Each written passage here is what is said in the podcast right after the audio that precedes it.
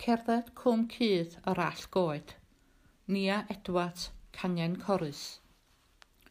Un peth wedi eildeffro yn ystod misoedd hir y cyfnodau clo yw ein diddordeb ym myd natur a'n cymunedau lleol ar awydd i'w archwilio. Wrth gwrs, mae'r cyfan wedi bod yma drwy'r amser, ond bod prysurdeb ein bywydau ni yn golygu bod y cyfan o'r golwg. Felly, dewch am dro drwy fy nghwmw di. Mae'r daith gerdded hon wedi dod yn boblogaidd iawn i bobl o bob cwrdd dros y cyfnodau clo.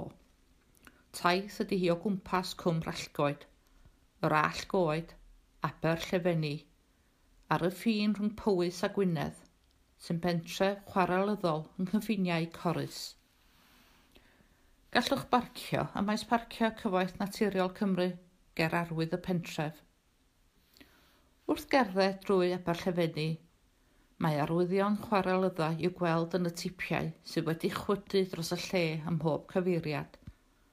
Ar lethrau foel grochan mae'r twll mawr fel ceg agored yn edrych i lawr ar y pentref. Oddi ar bont y cop, lle roedd y dramffordd yn croesi'r llyn, mae croesfor a rhaid cymryd y ffordd ymlaen i'r dde uwch ben y plas tuag at Aberangell rhaid dal i fynd ymlaen a heibio'r hen ysgol, cyn troi ar hyd yr hen ramffordd arferai gario cerig o chwarael yr all goed i lawr i'r pentref ac ymhellach efo'r tren i dderwyn las i'w hallforio. Gan mai drwy ddisgyrchiant yr oedd y treciau llawn yn cael eu cludo i lawr am y dramffor, mae hynny'n golygu mae tynnu ar i fyny yn raddol mae'r daith gerdded. Ger pont tyn rhod, mae llwybr yn gwahanu a gellir dewis mynd i'r dde neu i'r chwith o gwmpas y cwm. Wrth fynd i'r chwith o'r afon deri, mae'r ffordd yn mynd am y goedwig a gallir gweld a chlywed llawer o fyd natur o bob math. Ymlaen tipyn mae hen dyddyn ffynon badarn o dan y ffordd, ac fel mae'r enw'n awgrymu mae ffynon ger llawr tŷ.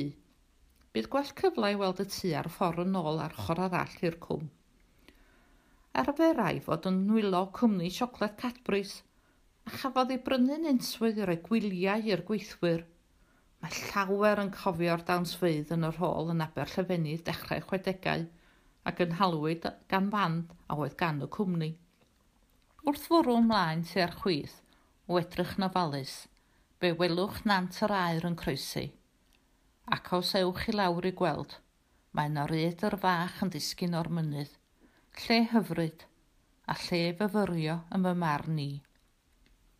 Rhaid cario ymlaen am dipyn ar hyd y ffordd cyn sylwi ei bod yn fforchio eto, a rhaid troi i lawr am y dde a thrwy'r giat ac allan o'r coed.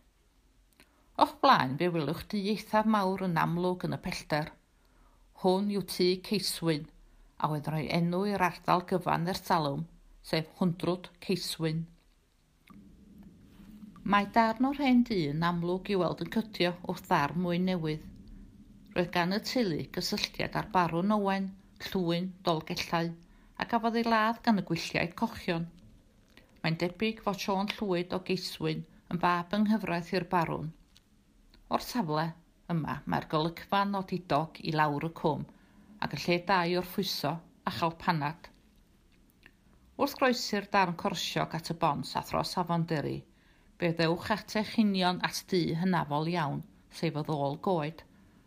Mae hwn yn hannu o 1.640 ddim o leia, ac mae'n gatref parhaol erbyn hyn, a hynny yn ôl i sôn i ddisgynyddion yr hen deulu. A ddoldir crynwyr oedd hwn ar lafar gwlad, a honir bod yma fynwen sefyd. Nid oes prawf o hynny, ond mae cysgo dwy ywen yno o hyd i'ch ben y tŷ. Wrth fynd yn eich blaen, byddwch yn cerdded drwy dir sy'n cael ei meithi gan hen deulu o'r ardal, sef fferm cymerau ar wylod y cwm.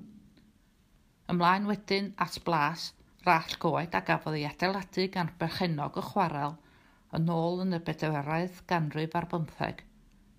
Ar un adeg roedd mewn cyflwr difrifol, ond erbyn hyn mae teulu ifanc wedi ei brynu ac wrth ei newyddu yn gatref – Ger y plas roedd barig sy'n weithwyr y chwarel ar un adeg. Yr unig un o'i fath yn aber llefenni. Ond adfeilion i'r bythynod hyn bellach fel llawer o weithdau chwarel yr all goed heddiw. Wrth fynd ymlaen i lawr y dramffor, fe welwch adfail hen gapel a rhes o dau wedi dadfeilio ac sy'n cael ei llyncu gan goed anferth wrth giat ar y chwydd. Pentref rall goed oedd hwn, a godwyd yn sgil y cynnydd yn nifer y gweithwyr.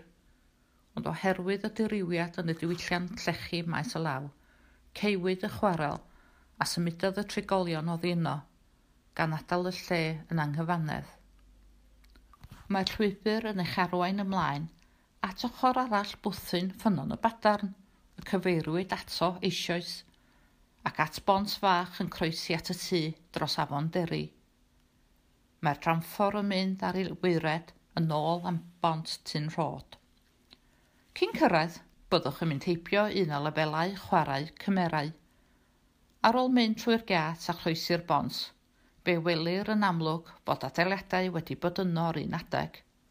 Dyma'r safle'r rhod a fyddai'n rhedeg gweithu chwarael cymerau ger llaw. Dros y bont fe fyddwch yn ôl ar y llwybr tuag at bentref Aberllefenni unwaith eto ac wedi llwyr hyddu eich swper. Un chwarael efallai.